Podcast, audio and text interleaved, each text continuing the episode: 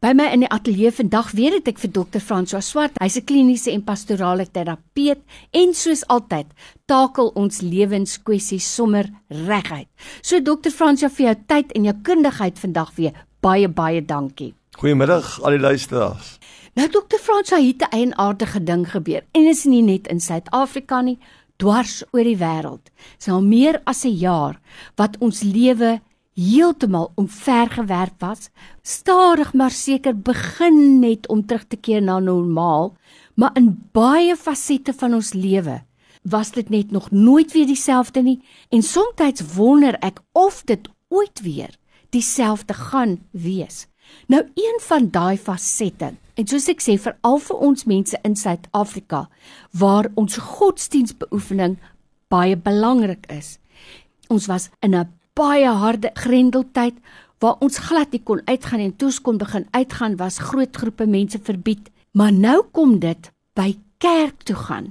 Skielik het ons kerk toe gaan ook heeltemal anders begin lyk. Ek wonder nou net by myself, sal ons ooit weer teruggaan kerk toe al is daar geen inperkings meer nie.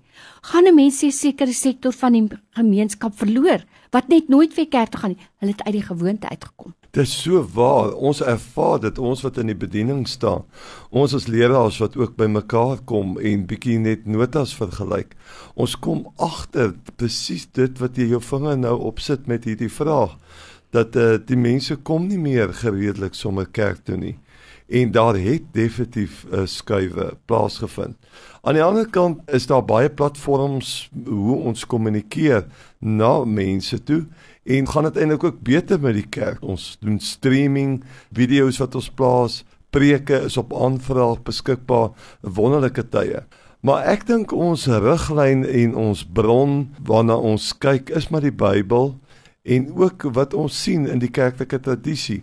En die Griekse woord daarvoor is koinonia. Mm. Dis 'n pragtige woord. 'n mm. Mens het mekaar nodig om mekaar fisies te sien, om fisies met mekaar in 'n gesprek te tree as oor elektroniese platforms. En jy sien dit baie meer as jy by 'n persoon fisies in 'n gebou is. Jy sien die liggaamstaal, jy kry die atmosfeer en aanbidding en prys en worship is maar moeilik as jy dit op jou eie agter mm. jou rekenaarskerm doen. Maar jy vorm ook netwerke daar en dit is soos 'n familie. En dit is iets wat ons miskien as 'n uitdaging moet sien binne die koninkryk en die kerk om opnuut weer te gaan kyk. Hoe gaan ons dit vir die mense lekker maak en aangenaam maak om terug kerk toe te kom en hulle aan te moedig daardeur? Maar as gelowige En as iemand wat in 'n verbinding is met die Drie-enige God, lyk dit vir my is daar nie uitkom kans nie dat koinonia en saam wees en saam nagmaal hou, saam die sakrament bedien van die doop, saam lofprysing mm. doen, die saam ding doen en om vir mekaar verantwoordelikheid te neem, nie op 'n afstand nie. Ons kan nie daarvan wegkom nie. Dit is 'n opdrag van die woord.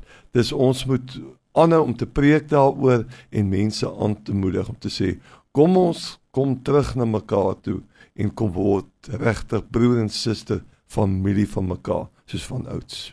Jy weet dokter Frans het so gepraat van die koinonia in die saamwees in die gemeente. Wat 'n mens ook nooit uit die oog moet verloor nie, is dat as liggaam van Christus te same kan ons ook uitreik en in ons gemeenskap wonderbaarlike werk doen wat andersins nie gedoen gaan word nie. Dis omdat ons saam staan as 'n een eenheid. Paulus sê immers mos moenie die onderlinge byeenkomste afskeep nie en hy sou 'n goeie rede gehad het daarvoor. Maar nou Die kenners sê mos dit vat jou 21 dae om 'n gewoonte aan te leer en ten minste 21 dae om 'n gewoonte af te leer ons besef en ek besef dit al hoe meer. Dis noodsaaklik dat ons weer bymekaar kom om die waarheid te sê. Ek sien uit daarna om weer in in 'n gebou saam met almal die Here te aanbid. Maar kom ons raak gou prakties. Watter stappe is daar wat ek kan neem om daai gewoonte weer aan te leer? Ja, dis 'n dis 'n goeie vraag. Ek dink 'n mens moet maar weer vir die Here gaan vra. Here, wat wil U hê moet ek doen? Dit mm. gaan nie net oor my eie gemaklikheid nie. Ja. Dit gaan oor my eie verantwoordelikheidsin en hoe ek die Bybel verstaan. Jy het daar die teks aangehaal van Paulus wat sê moenie die onderlinge byeenkomste van die gemeente versuim nie. En dan die hele ding van netwerke en saam planne maak om 'n verskil in die gemeenskap te bring. Junie maand, Julie maand is gewoonlik uitreik tyd wanneer ons uitreik na gemeenskappe toe.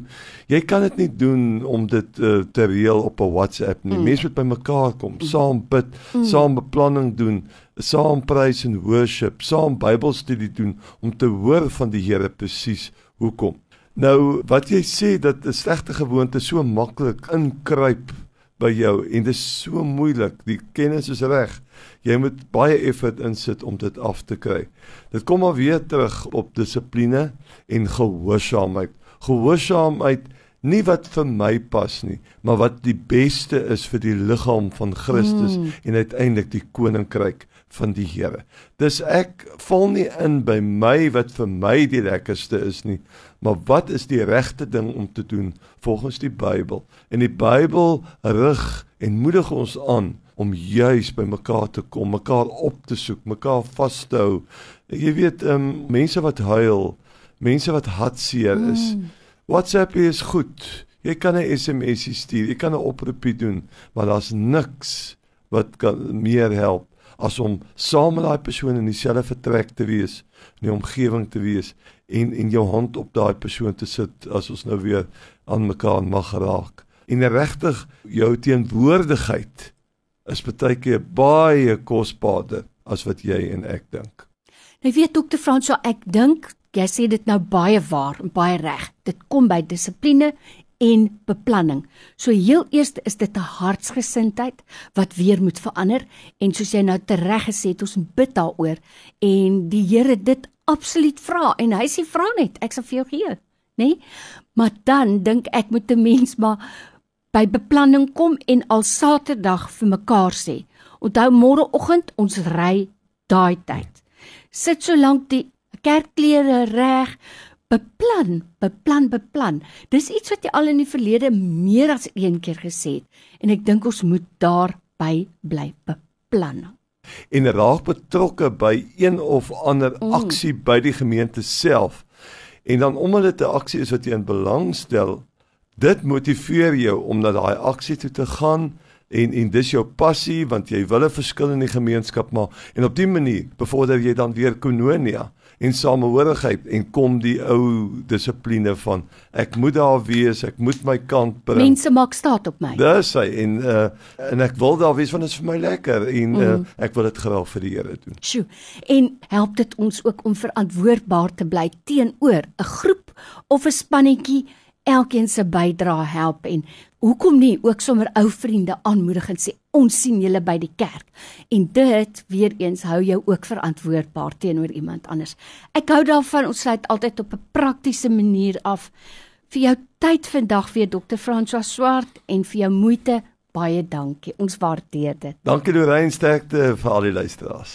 En onthou as jy 'n vraag het, SMS dit vir my na 32716 dit kos 'n rand of stuur 'n WhatsApp of 'n Telegram na 0844104104, maar onthou, begin met die woorde: Kies lewe. Tot volgende week, totsiens.